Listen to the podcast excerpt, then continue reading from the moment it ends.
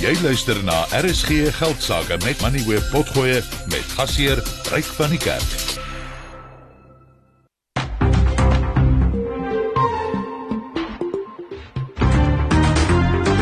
Jy luister na RSG Geldsaake met Ryk van die Kerk, jou betroubare bron vir sake en beleggingsinsigte. Hierdie program word aan jou gebring deur Absa. Jy kan aanlyn na Absa skuif en 'n Business Evolve rekening oopmaak. Goeienaand en hartlik welkom by die program. Nou ons gaan vanaand weer kyk na die besluit van die internasionale aksie taakspan wat Suid-Afrika Vrydag op die gryslys geplaas het en dit beteken Suid-Afrika voldoen nie aan die standaarde wat die liggaam stel om korrupsie, geldwasery en die finansiering van terrorisme te bekamp nie. En ek gaan vanaand gesels met minister Enoch Godongwana, die finansiesminister en ook met Hendrik de Tooy, die uitvoerende hoof van 91 Uh dit is 'n uh, dis eintlik 'n groot aankondiging. Daar is verskeie menings daaroor. Sommige mense sê nee, wat dit is maar net 'n uh, iets wat ons moet oorkom en dan is daar ander mense wat bietjie meer ontsteld is en sê dis 'n groot verleentheid vir Suid-Afrika. En ek gaan met uh, Enoch Godongwana en Hendrik de Tooy daaroor gesels. Ons gaan nou kyk na die stand van die Effekte Trust bedryf in Suid-Afrika en dit volg nadat die Vereniging vir Spaar en Beleggings of ASISA 'n verslag daaroor bekend gemaak het en een van die dinge wat uitgestaan het is dat verskansingsfondse besig is om baie vinnig te groei. Dan gaan ons ook kyk na die nuwe minimumloon wat later hierdie week in werking tree en ek gaan met Hugo Pinaar van Klif Dekker Hofmeyer daaroor gesels. En op Maandag gesels ons oor interessante ontwikkelings in die tegnologie wêreld. Theo Forster van Galileo Capital sit hier langs my. Theo, wanneer laas moes jy 'n foon se skerm vervang? Een wat geval het want dit gebeur mos so baie. Lanklaas, gelukkig, maar ek sê dis gelukkig, maar ek het um, ek probeer een van daai skerms oorsit wat dit bietjie sterker maak, maar toevallig baie lanklaas. Ja, ek moet sê dit gaan nie so goed in die van die kerkhuis nie. Ons moet maar gereeld daardie uh die skerms vervang, maar Nokia het nou 'n uh, interessante plan. Hulle gaan 'n foon bekendstel binnekort wat gewone mense self kan regmaak. Hy's so ontwerp dat dit maklik is om die skerm en die battery en ook daai laai dingetjie reg te maak en ek gaan met Pieter Geldenhuys daaroor gesels. Maar kom ons kyk eers wat het vandag op die markte gebeur en Henko Creer sit reg, Henko. Hallo Ryk en hallo Theo en goeienaand aan elke luisteraar. Ja, dit was 'n mooi groen dag en op die oomblik selfs wêreldwyd grasgroen. Die Dow Jones, die S&P 500 en die Nasdaq is onderskeidelik 0,6%, 0,7 en 0,8% stewiger. Die FTSE 100 in Europa is 0,7% op en die Duitse DAX en die CAC 40 is elkeen 1,5% hoër. En hier by ons het die JSE se algehele indeks gestyg met 0,7% tot 'n vlak van 77514 punte. Die Hulbron indeks se vlak styg 0,5%, die nywerheidsindeks 1,2% stewiger vandag en die finansiële indeks het met 0,5% verbeter. Naspers en Richmond het elkeen 2% hoër gesluit, Glencore en Prosus elkeen 1,5% op en AB InBev, Anglo asook BHP is elkeen 1% hoër. Dit het net so goed gegaan met maatskappye soos Supergroep wat vandag 4% wen, Hammerson, Discovery en Equities elkeen 3.5% stewiger en Bidcorp en Investec asook 91 is elkeen 2.5% hoër. Maar minder goed te gaan met Bytes, Montauk Renewable Energy asook Alphamin wat elkeen 4.5% terugsak vandag, Coronation en Quilter elkeen 2.5% af en Northern Italtal asook Transaction Capital verloor elkeen 2%. Op die kommoditeitsmark is die goudprys 1815 dollar per fyn ons platinum is 935 dollar en palladium is 1429 dollar. Die olieprys is nou 82 dollar en 15 sent per vat. Dan as ons kyk na die wisselkoers, is dit die euro en die Britse pond wat vandag met ons weghardloop. Dis nou R19.55 vir 'n euro, R22.18 vir 'n Britse pond en R18.41 vir 'n Amerikaanse dollar. 'n Bitcoin is nou 23800 dollar of 440 000 rand. En ten slotte as ons kyk na die plaaslike staatseffekte, die R106 lewer 'n opbrengs van 8,58% en die R209 'n opbrengs van 11,17%. Henko baie dankie. Theo 'n positiewe dag, maar ek dink daar's ja. nog baie onsekerheid. Ja, verseker ryk. 'n um, Positiewe dag vandag in lyn met wêreldmarkte. Maar as 'n mens kyk na die maand van van Februarie, ons het nog een dag oor wat môre is, is ons so 'n bietjie meer as 3% af vir die maand, maar ons is steeds meer as 6% op vir die jaar tot datum. So ek dink dis wisselvalligheid um, in terme van normale verhandeling. Ehm um, maar ja, uh dit dit hierdie keer vandag het ons die wêreldmarkte gevolg wat ook interessant is, is al die indekse is op vandag. Uh, maar soos ek noem, ons is nog meer as 3% af vir die maand van Februarie en behalwe wat môre gaan gebeur, gaan ons seker afwees vir die maand van Februarie. Die wisselkoers R18.40. Ons uh, is Vrydag op die gryslys geplaas. Die rand het so met 20% uh of 20 sent verswak eerder. Uh is jy bekommerd oor die wisselkoers? Uh ryk ons het as jy kyk na al die uh geld tes, teen al die geldeenhede sedert die begin van die jaar. Ons is af met tussen 6.5 en 8% teen omtrent alle geldeenhede. So hierdie is 'n rand swakheid uh rondom 7% tussen die Aussie dollar, die euro, die pond en die Amerikaanse dollar. Uh so hierdie is rand rand swakheid. Uh en ek dink deel hiervan is gaan rondom die onsekerheid waarmee ons sit. Ek dink ons begin die effek sien van beerdkrag wat die moontlike effek daarvan kan wees op ekonomiese groei en dan natuurlik ek sit nie soveel rondom die gryslys per se nie. Ek dink eerder hierdie is 'n geval van die rand is besig om te verswak sedert die begin van die jaar en ons sien net daai verswakking wat voortduur.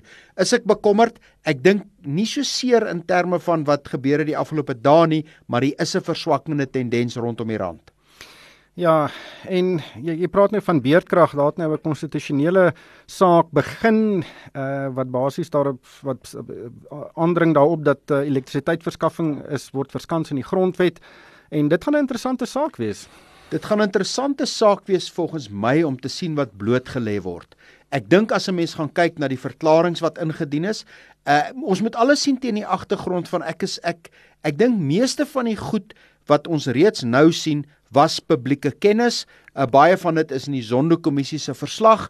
Ek dink ons het amper gehoop dat van hierdie goed kom tot 'n einde. Ek dink wat ons nou begin sien is dat daar's nog steeds diep gewortelde korrupsie binne in staatsinstellings en ek dink dit is 'n bietjie van 'n verrassing, maar ek dink ons gaan almal terug uh, die Zondo-verslag het baie van die goed gesê en ek dink ons moet weer na die laaste hoofstukke gaan lees wat spesifiek gegaan het rondom hoe diep korrupsie binne in die staatsbeheerde entiteite wel is. Ja, en uh, dit is ook baie regstegniese argumente wat aangevoer word uh, en uh, ons sal daardie saak dek die oomblik as daar 'n uitspraak is. Maar gepraat van korrupsie, kom ons kyk oor hoekom is ons op die FATF se gryslys. Vind uit watter Absa Business Evolve-rekening by jou besigheid pas en open vandag nog een aanlyn. Ons doen meer sodat jy kan. Dis Africanacity. Absa se gemagtigde FTV en geregistreerde kredietverskaffer. Besenfees geld. Vir die belangrikste sake nuus skakel in op RSG geldsaake. Die finansiële aksie taakspan het Suid-Afrika Vrydag op sy gryslys geplaas en dit beteken Suid-Afrika voldoen nie aan internasionale standaarde om korrupsie, geldwasery en die finansiering van terrorisme te bekamp nie. Die nasionale tesourie het uh, die afgelope jaar baie hard gewerk om dit te voorkom, maar tog is ons Vrydag op hierdie lys geplaas. Op die lyn is minister Enoch Godongwana. Hy is die minister van finansies. Minister, thank you so much for joining me. Were you surprised at the announcement? No, not as surprised because we knew beforehand, but were not allowed by the in terms of their rules to announce it. Let me tell you what happened, why we knew. Is because there were 67 areas which they identified in their peer evaluation report. We then dealt with about, in, including legislation, as we are aware, we did the amendment of the Money Laundering and Anti-Terrorism Financing Act, the broad amendment which we deal, dealt with in 2022. We also dealt with a number of other pieces of legislation to cure the defect. But in terms of FATF, you've got to have, uh, they don't uh, tolerate any nine, we may have 99%, but they want 100%. So what we then, we knew that we've knocked all those 67 except 15. On those 15, they've then said to us, okay, fine. With you, you have cooperated you provided more evidence. You must finalize the remaining one for January 2025. What that means then, they've grey-listed us. What does that mean? It means that South African businesses and transactions will be under what they call enhanced scrutiny. It does not mean that there will be end of trade relationship with anybody. All it does mean is that in dealing with us, there will be what they call an enhanced scrutiny. The FATF has warned South Africa in 2019, that is four years ago. Why could we not address all of those issues within four years? You're making a mistake. They started the evaluation in 2019 and issued their report in 2021, October 2021. That's when the report came out. They did the evaluation starting from 2019. Their report came in October 2021. The whole of it last year, we've been working, including a whole range of changing legislation. You, as you know, in South Africa, it takes longer to change even legislation. So we've done a lot of work within a year in order to deal with and, and, and, and close those, those loopholes. But it's a huge embarrassment for South Africa. You know, we, we have a very, very well developed and respected financial system. And this does not offer a lot of confidence in our ability to fight these things because we have a corruption problem. Was it not possible to do it within a lot of time frame? Mr. Van Niekerk, have you read the, the findings? Yes, I have.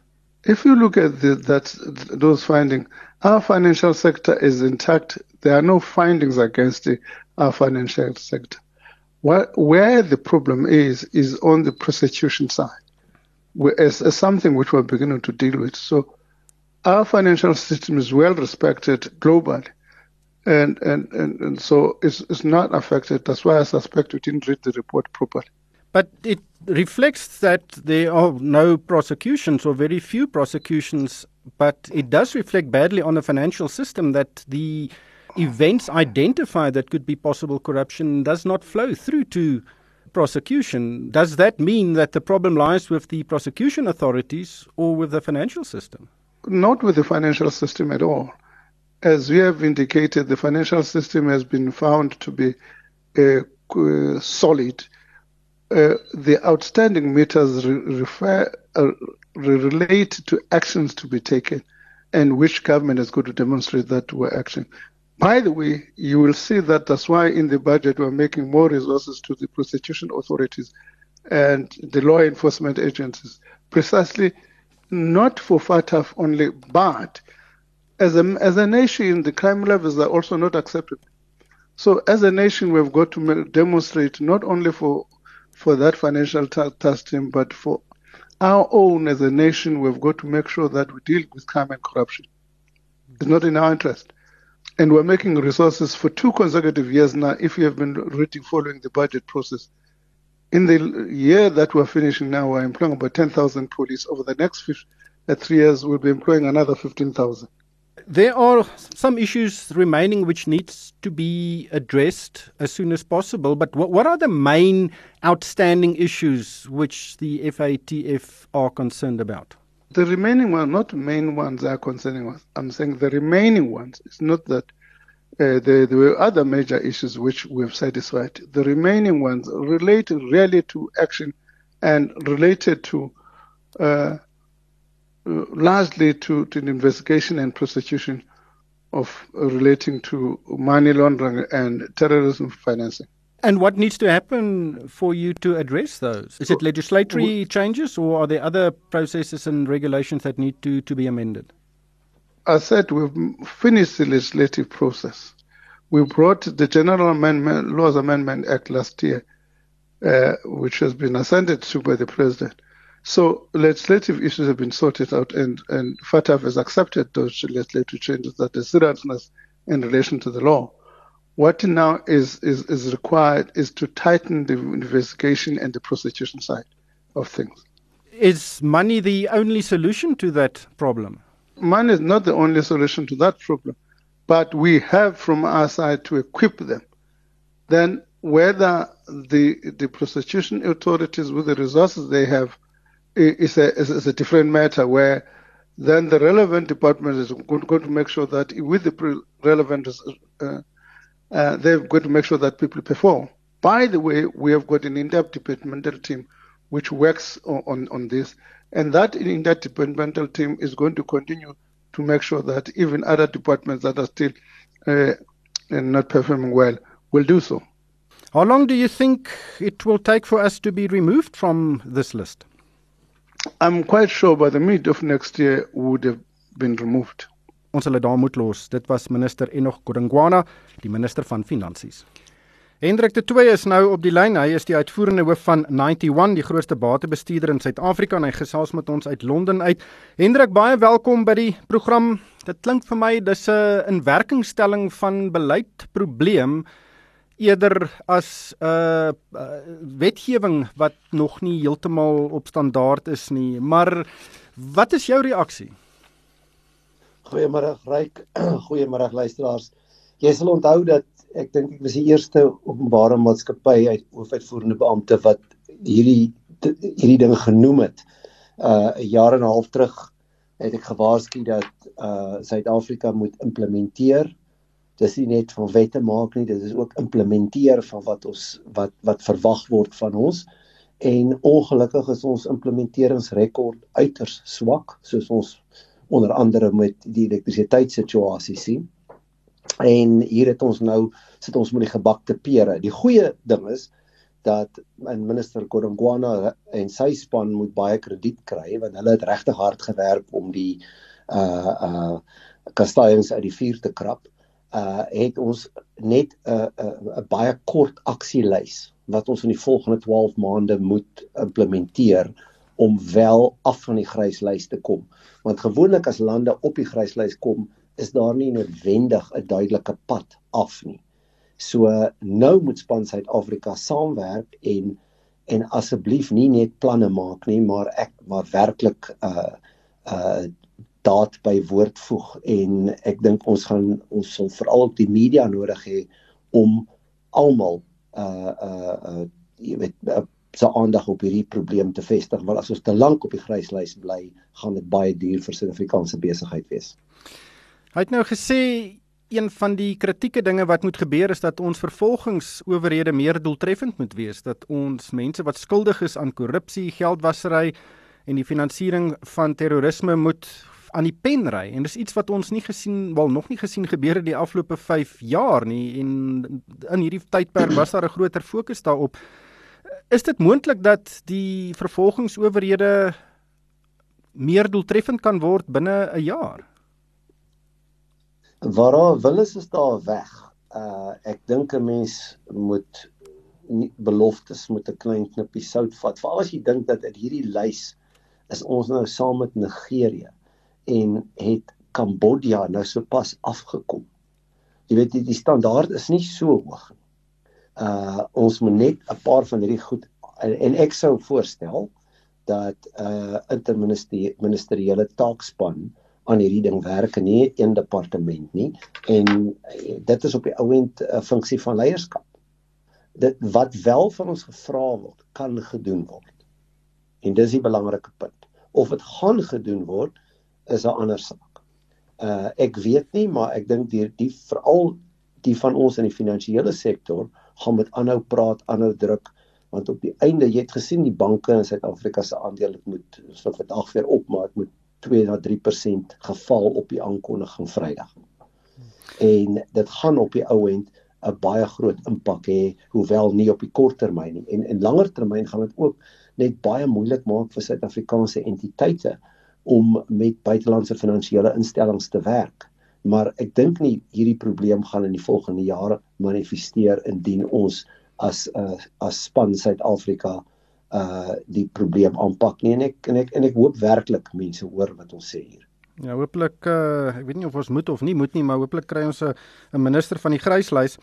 Maar wat wat is die gevolge wat jy nou sien want ek dink soos ek dit ook verstaan dit is miskien nou nie die einde van die wêreld nie maar is regtig 'n groot verleentheid vir Suid-Afrika om op daardie lys te verskyn. Wat is die kan wel kan jy praat oor hoe mense en ek ontleeders en beleggers in Europa of in Londen na hierdie nuus interpreteer? Ryk gelukkig gelukkig is die grys lys effective nie uh die grootste nuusmaker in die wêreld nie. So ek dink Andre de Ruyter se se onderhoud en die skokkende reaksie van die Suid-Afrikaanse kabinetsministers op daai onderhoud het baie meer skade. En ek dink nie Andre Dreiter het skade gedoen nie. Ek dink die skokkende reaksie het baie meer skade gedoen. as wat hierdie kan doen. Maar oor tyd gaan dit die koste van besigheid opskuif, toegang tot internasionale internasionale kapitaal en bloot eenvoudig vertroue, want baie prakties te wees.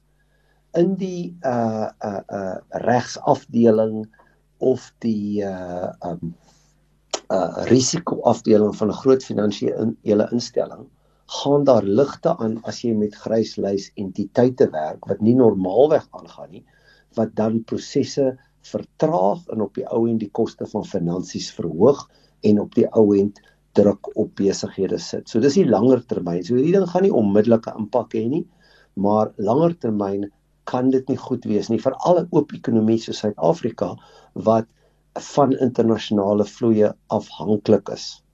Uh is dit nie 'n goeie ding nie, maar ek dink die die groot die groot issue wat moet aangespreek word is die stilte oor die korrupsie en die kriminaliteit wat so diep in dele van die Suid-Afrikaanse ekonomie in uh, uh, en staat uh sigbaar is. Maar dit wat jy nou sê maak eintlik hierdie gryslys donkergrys. Ja, maar ek ek al wat ek sê is die gryslys op sigself is eintlik 'n simptoom van 'n baie dieper siekte. En ons as Suid-Afrikaners moet nou hierdie dieper siekte aanspreek en ons moet reguit praat en ons moet nie verskonings aanvaar nie. Ja, die vervolging. Ons is baie geneig om baie keer net 'n verskoning te aanvaar en sê okay, dit gaan 'n bietjie beter gaan. Hier is ons ons is nou by die punt waar uh dinge gedoen moet word anders gaan daar groot kostes wees. En ek dink ons het klaar gesien be besighede boere wie ook al klaar. En ek dink dit is nie 'n wit of 'n swart ding nie. Alle suid-afrikaners kry op die oomblik swaar oor hierdie uh ongelooflike onthullings.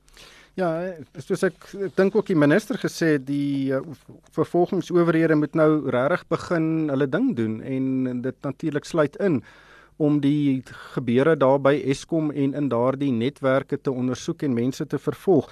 Maar die minister het ook gesê hy vermoed ons behoort omtrent in 18 maande, wel dit sal oor 18 maande sal hulle die dinge geïmplementeer het wat hulle moet om van hierdie lys af te kom. Sê nou maar 18 maande is te optimisties en mense sê dit gaan 2 jaar neem. Uh, gaan ons baie skade ly indien dit eers 2 jaar neem vir ons om van hy lys af te kom? Ek ek dink daar is ek ek dink die die werklike skade is as jy op daai lys bly. Ek dink in die kort termyn kan 'n mens kan pleister op die wond plak.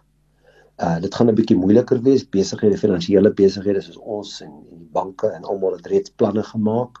Ons is reg daarvoor. Ons het nie gehoop ons het nie hoop was nie ons strategie nie. Uh dus kan ons deur hierdie ding werk. Maar as ons daar bly, gaan die reputasiekoste van besighede wat Suid-Afrika in hulle uh, wat wat wat trots Suid-Afrikaans is en in die buiteland praat van hulle Suid-Afrikaanse oorsprong soos soos ons uh gaan dit 'n koste bring uh meebring. So ek dink maar ek dink ons moet nou skree op alle gebiede, nie net hierdie nie. Want as ons as ons Eskom los soos hy is en ons luister na die swak verskonings en ons luister na die blameering van 'n bestuurspan wat eerlik probeer het om die ding te verander en ons aanvaar dit dan is dan kan ons ons net onsself verantwoordelik hou vir, vir die gemors waarin ons gaan wees. Ek hoop eh, ek hoop dit gebeur. Ek dink daar moet regtig hard gepraat word, maar Hendrik baie dankie vir jou tyd vanaand. Dit was Hendrik de Tooy. Hy is die uitvoerende hoof van 91.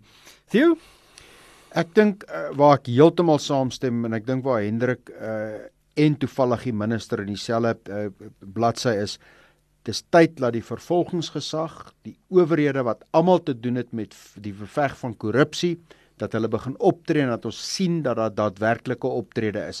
Ek dink Tesorie het sy kant gebring om die wetgewing te verander. Ek dink regter Zondo het sy kant gebring met die ondersoek.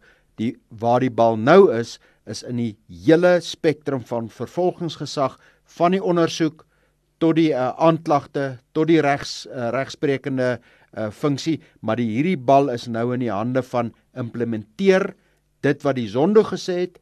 Kyk na die aanklagte wat meneer De Ruyter gemaak het gaan kyk hoekom ons op die gryslys is is nie oor die wetgewing nie in plek is is oor ons nie optree teen die ouens wat dit verbreek nie. Ja, ek dink die volgende 18 maande gaan kritiek wees en indien daar vordering is, dan dink ek eh, gaan die traject verander hier in Suid-Afrika. Ek dink vordering hier kan jy definieer of gelykstel aan die hoeveelheid ouens in oranje oorpakke.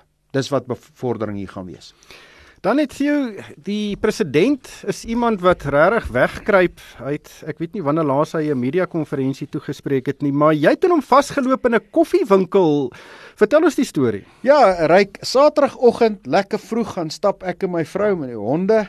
Ehm um, baie vroeg en ons stap hier in die noordelike voorstede van Johannesburg in 'n koffiewinkel. Ehm um, en die volgende oomblik stap die president in. Hy's in 'n gemaklike sweetpak, hy's in 'n goeie by, hy lyk goed en hy begin gesels. Hy koop sy eie koffie, hy betaal vir sy eie koffie. Ek het nou nie gesien of hy 'n voetjie nagelaat het nie. Maar skielik begin hy gesels en is asof hy tyd het, asof hy gemaklik is en asof hy net eenvoudig vrae beantwoord uh, op 'n baie self min, uh, amper gemaklik asof jy 'n ou vriend van hom is. Uh en ons geraak aan die gesels en hy hy gesels land en sand. Waaroor het julle gepraat? Wel, ek het vir hom gevra dat dat, dat dis 'n uitdagende omgewing en en en en wat wat hou hom wakker in die nag? Toe sê hy sy grootste probleem is om um gefokus te bly, objektief en rasioneel te bly. Baie eerlik. En ek sê toe vir hom, hy's baie druk wat besluite wat geneem moet word. Toe sê hy vir my, maar weet jy wat? Ek gaan eerder fokus om die regte ding te doen al vat dit my tyd. Ehm um, en dis my fokus is om te probeer om die regte ding te doen al vat dit tyd. En ek vra toe vir my eerste daai as hy nou terugkyk, toe sê hy vir my die eerste punt is hy het 'n baie swakker situasie geërf as wat hy gedink het. Hy sê hy het glad nie in sy wilste drome gedink so baie van die instellings werk nie in Suid-Afrika nie. Maar hy sê ook hy's besig om al meer goed in plek te kry en hy's besig om al meer goeders reg te trek en hy sê op sy op sy um spektrum is daar al meer besig goed wat stadig in in plek kom. Um en hy sê ons moet net ons moet geduldig wees want goed kom oop. Toe toe vra ek vir my eerste dag dit is hom ongemaklik waar ons nou is en dinge loop nie lekker nie. Toe sy antwoord was toe 'n moenie hoop verloor nie. En hy sê toe die volgende ding. Hy sê as jy in die kort termyn kyk, 5 jaar, groei en verandering gaan nie in 'n reguit lyn nie. Daar's altyd probleme daarmee. En as jy vandag staan en jy kyk terug 20 of 30 jaar, het ons 'n ver pad gekom. En hy sê hy seker oor 20 of 50 jaar as ons terugkyk, gaan ons weer eens 'n ver pad kom. Um, so maar, maar dit is my verrassend dat hy sê uh, dit was erger as wat hy gedink ja. het. Dis toe die posisie kom. Hy was die adjunk president en hy was verantwoordelik vir Eskom. Hy sê die punt van 'n adjunk president is jy is eerstens dien jy um uh, as as deel van die presidentsie se span, maar hy sê nommer 2 jy is amper asof jy net so half jy's nie in diepte in alles betrokke nie. Jy's amper asof jy diens in 'n hoedanigheid. Uh, maar maar, maar hy het meer stil gestaan op die feit dat daar is Daar's so baie goed wat hulle moet regstel en wat hy moes verander dat ongelukkig vat dit tyd. Ehm um, en hy gaan dit aanspreek so so so goed hy kan. Het jy met hom oor Eskom en die gryslys gepraat? Weet jy wat ryk? Dit was 'n gemaklike gesprek en sy leiwagte was maar groot ous as jy hulle sien. So ek wou eerder ek wou eerder uit die ou se pad uit bly. Maar ek moet sê dis so vriendelik dat op 'n stadium toe vra een van sy leiwagte, "Man, gee my jou selfoon, dan neem ek vir jou 'n foto van julle twee."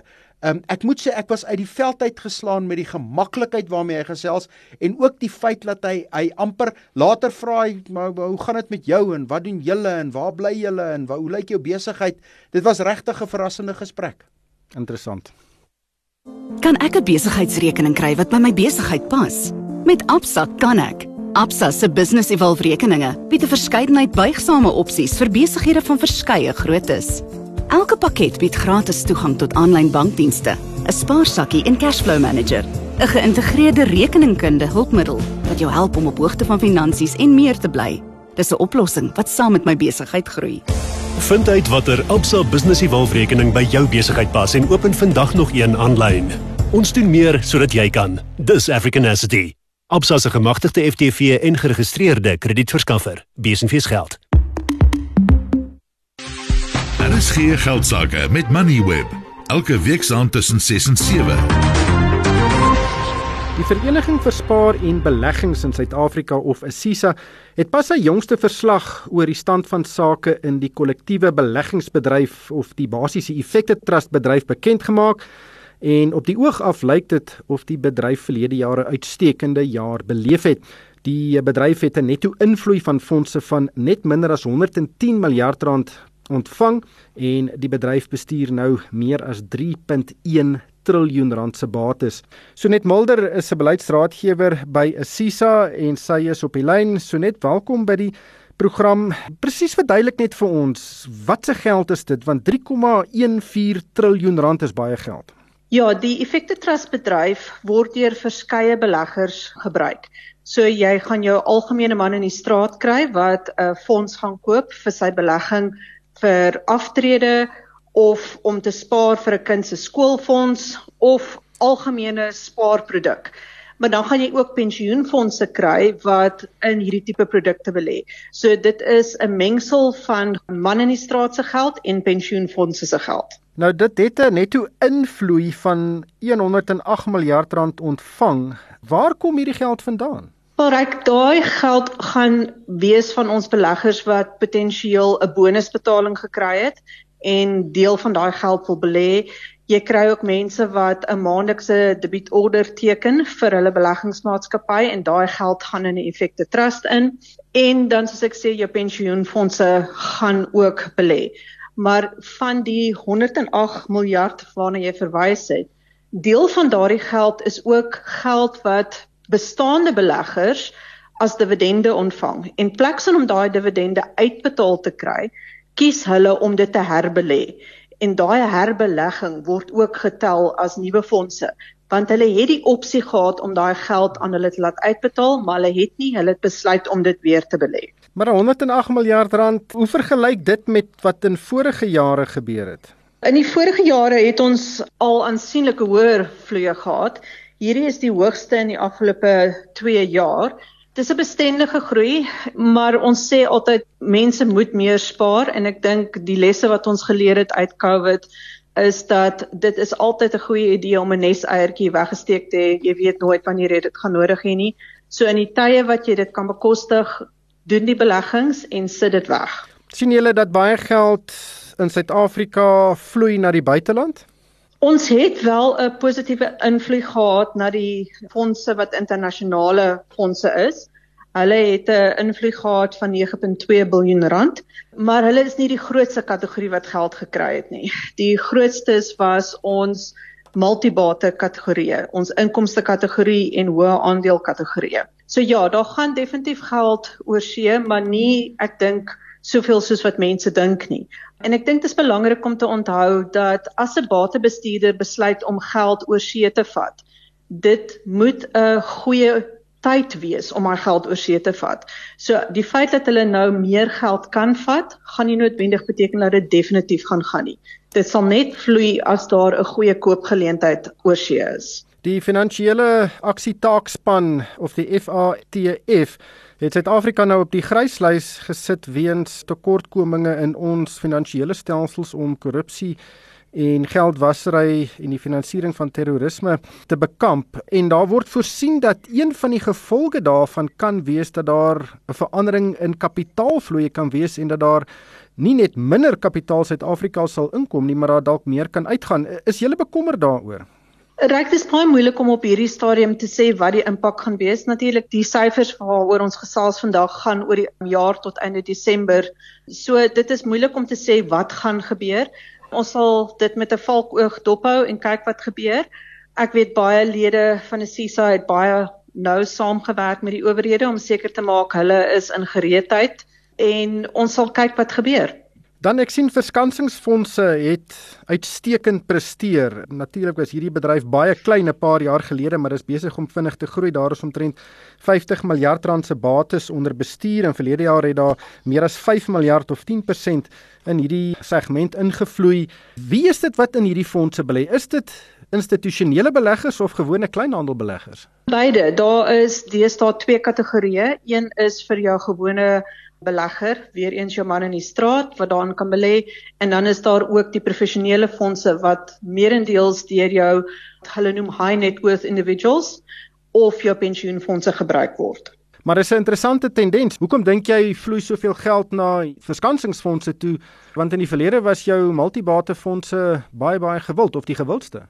Ja, multibate fondse as jy na jou tradisionele effekte trust kyk is nog steeds en hulle het definitief die gros van die invloeye gekry aan jou tradisionele effekte trust kant. As jy na die verskansingsfondse kyk, Daar is definitief 'n plek vir verskillende tipe beleggingsstrategieë en verskansingsfondse is een daarvan. En dit is wat ons vir ons beleggers altyd sê, 'n gediversifiseerde portfolio is baie belangrik. Jy het nodig om verskeie beleggingsmodelle in jou portefeulje te hê om jou te kan beskerm in tye van swaar kry en as die mark baie vinnig loop. So definitief verskansingsfondse bied 'n rol in daardie plek ook. Ja, dit verseker 'n segment om dop te hou in die toekoms, maar so net baie dankie vir jou tyd vanaand. Dit was so net Mulder. Sy's 'n beleidsraadgewer by Assisa. Daar is geen geld sake met Moneyweb. Jou betroubare bron vir sake en beleggingsinsigte. Die departement van arbeid het verlede week aangekondig dat die minimumloon met 9,7% tot 2 of R2.24 tot R25.42 per uur gaan styg. En dit beteken dat die minimumloon vir mense wat 8 uur op 'n dag werk tot R203 styg. Die loon vir 'n 45 uur werksweek styg tot so wat R1144 en tot R4953 per maand. Die verhoging geld vir alle werknemers wat nie deur sektorale vaststellings geraak word nie. Dit sluit plaaswerkers en mense wat by huishoudings werk, so skoonmakers en tuiniers in. Die verhoging is hoër as die minimumloonkommissie se aanbeveling dat dit met die inflasiekoers plus 'n bykomende verhoging van tussen 'n halwe en 'n volle persentasiepunt moet styg. Die minimumloon sluit ook verskeie ander vergoedings uit. Dit sluit in betalings vir vervoer en klere, bonusse, vergoeding wat ook nie kontant is nie soos verblyf en etes. Hugo Pinaar is 'n arbeidsspesialis by Klif Dekker Hofmeyer. Hugo, baie welkom by die program. Wat is jou indrukke van hierdie bykans 10% verhoging? Dankie Ryk. Ja, my eerste indruk is natuurlik dat dis verkiesingstyd of aanloop daartoe, so dis te wagte. Die tweede aspek is dat die tipiese conundrum waarin werknemers hulle dan bevind is dat hulle mag hoër inkomste verkry, maar daarmee saamloop dan normaalweg 'n klomp afleggings. Want die normale huishulp of huis is onder druk, uh, finansiële druk en daarmee saam kyk hulle natuurlik na besnoeiing. Uh, so soms is daar nie aflegging nie, maar 'n vermindering van die werksdae van 'n betrokke huishulp of 'n betrokke uh, plaasarbeider. Ja, daar word altyd gepraat dat die minimumloon meebring dat daar werksverliese is. Is al navorsing daaroor gedoen? Daar daar is navorsing gedoen en aanvanklik was dit natuurlik met die eerste aankondigings 'n paar jaar terug was daar onmiddellike werkloosheid geweest of 'n verdere werkloosheid en toename daarin. Ehm um, huidigelik is dit natuurlik hang dit af watter uh navorsingsstukkie lees van party beweer daar sou afname en 'n ander daar's 'n toename in werkskepping en daar is natuurlik ook 'n goeie jaar in die vrugte vrugte sagte vrugtebedryf gewees uh, wat definitief in daai sektor 'n uh, groot uh, verhoging in arbeid geskep het. Weet jy hoeveel werknemers of mense ontvang die minimumloon in Suid-Afrika? Ehm um, as ek moet skat op die syfers wat ek het, huishulp was uh, gewoonlik uh, histories 2021 omtrent 900 49000 daai syfer is omtrent na 808000 af. Plaaswerkers was in 2016 so 236000 uh, en dit is 'n spekulasie of daai syfer tans op of af is. So as 'n groot hoeveelheid werknemers binne net daai twee kategorieë. Natuurlik natuurlik enige ander groepering wat buite uh loon uh, sektore sektoral uh ek sukkel met die Afrikaans vir die oomblik. Dis die sektorale vaststellings, ja. Dis korrek. Dit is of waar hulle nie binne 'n bepaalde kollektiewe ooreenkoms gedek word nie. En sal natuurlik ook uh, deur die minimumloon geraak word. Maar die punt is, jy weet die die die kostes is duur daar buite en jy weet ou wonder mense soms wonder mense hoe 'n uh, eh, persoon op daardie inkomste van sê dan nou maar amper R5000 'n maand deurkom gegee by die feit dat daar's dikwels nog verder afhanklik is uh, direkte en indirekte afhanklikes wat van daai inkomste moet leef. Daar is 'n vergunning dat werkgewers kan aansoek doen om van die minimumloon vrygestel te word. Uh is dit 'n ingewikkelde proses en maak werkgewers daarvan gebruik? Daar daar is 'n artikel 46 van die wet wat sê dat uh geen van hierdie uh betalings of minimumlone kan afstand gedoen van word nie. Uh so daar is daardie bepaling en dan is daar 'n konflik rondom die interpretering of dit dan toelaat dat jy regtig 'n 'n 'n sogenaamde vrystelling kan kry of nie. Dan die departement het ook die minimum salaris waar die werkgewer nie oortyd hoef te betaal nie en ook nie werksure hoef te reguleer nie met 7,6% tot R241110 verhoog. Wat wat presies behels dit? Nou dit dit slaan op verskeie aspekte want uh, dis 'n minimumloon uh uh dis nakies of aanhalingstekens wat daar gestel word dat as jy bo dit verdien uh, verbeur jy sekere regte. So as jy bo daai bedrag verdien dan is jy byvoorbeeld nie geregtig op op oortyd by wyse van voorbeeld nie of jy is nie geregtig op Sondagtyd of nagwerk of publieke vakansiedae nie. Uh, maar dikwels het werkgewers in 'n dienskontrakte 'n bepaling wat sê dat ongeag van die werknemer se inkomste sal daai werknemer of daai kategorie werknemers dan steeds uh, geregtig wees om oortyd. Maar in beginsel as jy bo dit verdien is jy nie geregtig op oortyd nie tensy daar anders ooreengekom is. Dan dan raak dit natuurlik die arbeidsmakelaars dat daar's daai nuwe vermoedingsklausules wat ingetree het in 2015 en dit behels dat as jy bo daai inkomste verdien, dan word jy natuurlik nie geag die kliënt se werknemer te wees nie, maar jy is die werknemer van die arbeidsmakelaar. Eh, daarbenewens is daar bepalinge rondom vaste termynkontrakte. As jy bo dit verdien, het jy nie dieselfde beskerming as wat jy onder dit verdien nie en so meer. En in beide gevalle die arbeidsmakelaar in die vaste termyn het jy ook nie die sogenaamde gelykheidsbetaling nie. Met ander woorde dat jy geregtig is op dieselfde inkomste as die inkomste van 'n soortgelyke werknemer wie by die kliënt in die geval van 'n arbeidsmakelaar werksaam is. In geval van 'n vaste termynkontrak, uh, as jy uh, onder die minimum is, uh, die nuwe vasgestelde minimum, natuurlik dra my na 3 maande as jy geregtig op dieselfde of soortgelyke salaris as 'n permanente werknemer. So dis daardie aspek wat ook belangrik is. En dan is daar natuurlik binne die werk wet op werknemer gelykheid sekere afsnypunte waar jy dan ook kwalifiseer of diskwalifiseer vir sekere aksies binne die CCMA. Ja, daardie bedrag R240000 'n uh, 'n jaar, so dis omtrent so R20000 'n maand. Maar jy goed dit uh, tree die 1 Maart hierdie week in werking. Dis presies ja, dit en die minimumloon. Dankie Hugo, dit was Hugo Pinaar, hy's 'n arbeidsspesialis by Klif Dekker Hofmeyer. Theo, R203 per dag.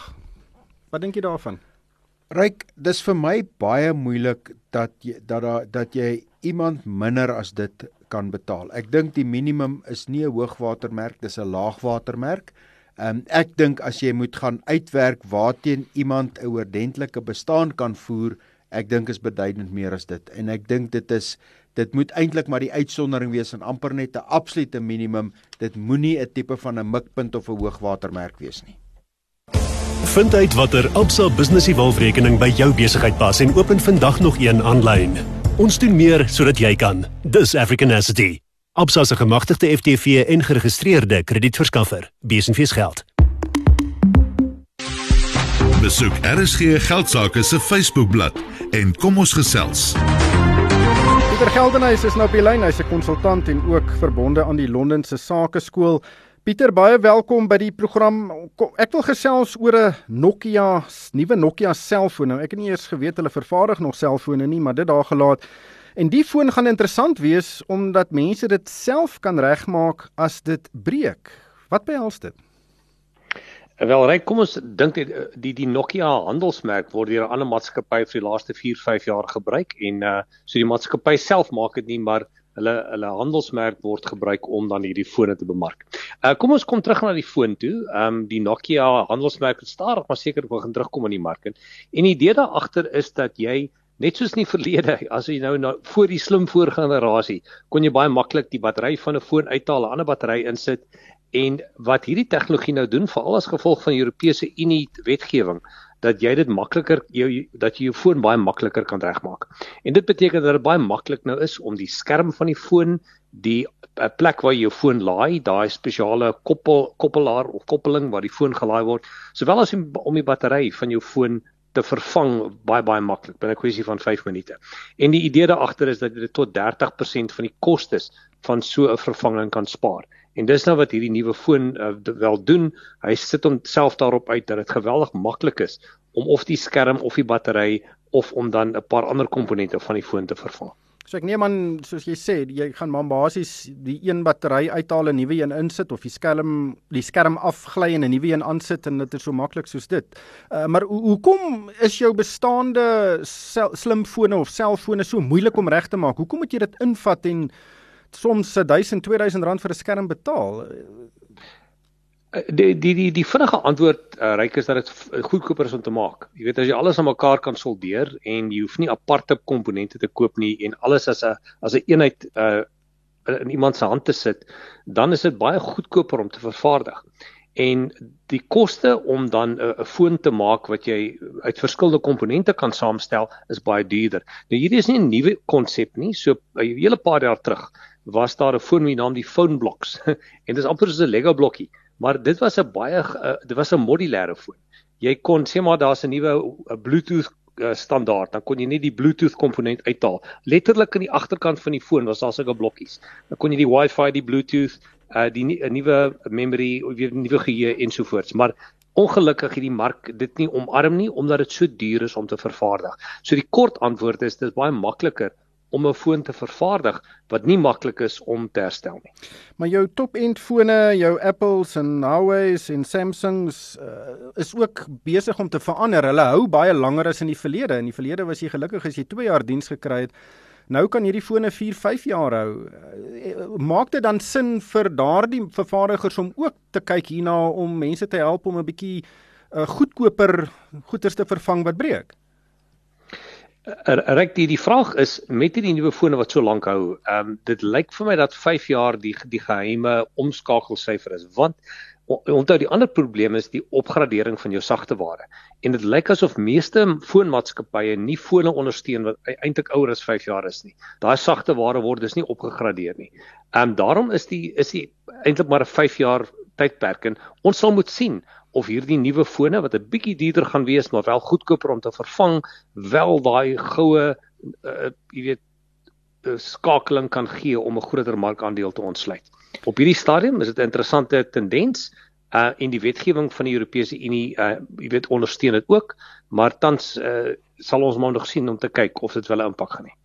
Pieter baie dankie vir jou tyd. Dit was Pieter Geldenhuys. Hy is verbonde aan die Londense Sakeskool. Sien, ek dink natuurlik hierdie groot vervaardigers hou daarvan as jy jou foon laat val want dan moet jy 'n nuwe een kry of ten duurste eh, die, die skerm laat vervang en soms is is dit nie eers 'n oorspronklike uh, komponent wat dan geïnstalleer word nie. Jy uh, ek stem saam met jou Ryk, maar die feit dat Pieter sê dat deel hiervan is Europese standaarde.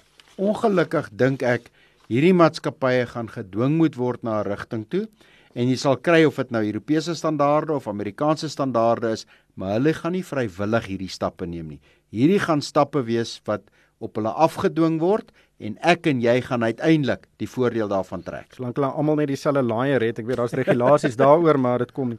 Maar eenou, ons moet dit daar los. Sien baie dankie vir jou tyd vanaand. Dit was hier Forster Huis van Galileo Capital en daarmee groet die Manweb span van Pelesa Matlala, Pieter Botha, Henko Creer en vir my ryk van die kerk. Dankie vir die saamluister en hierdie program is aan jou gebring deur Absa. Jy kan aanlyn na Absa skuif en 'n business evolve rekening oopmaak. Jy het geluister na RSG Geldsaake met Money where potgoe elke weeksdag om 7 na middag. Vir meer Money where potgoe, besoek moneyweb.co.za of laai die toepassing af en volg Moneyweb News om dagliks op hoogte te bly.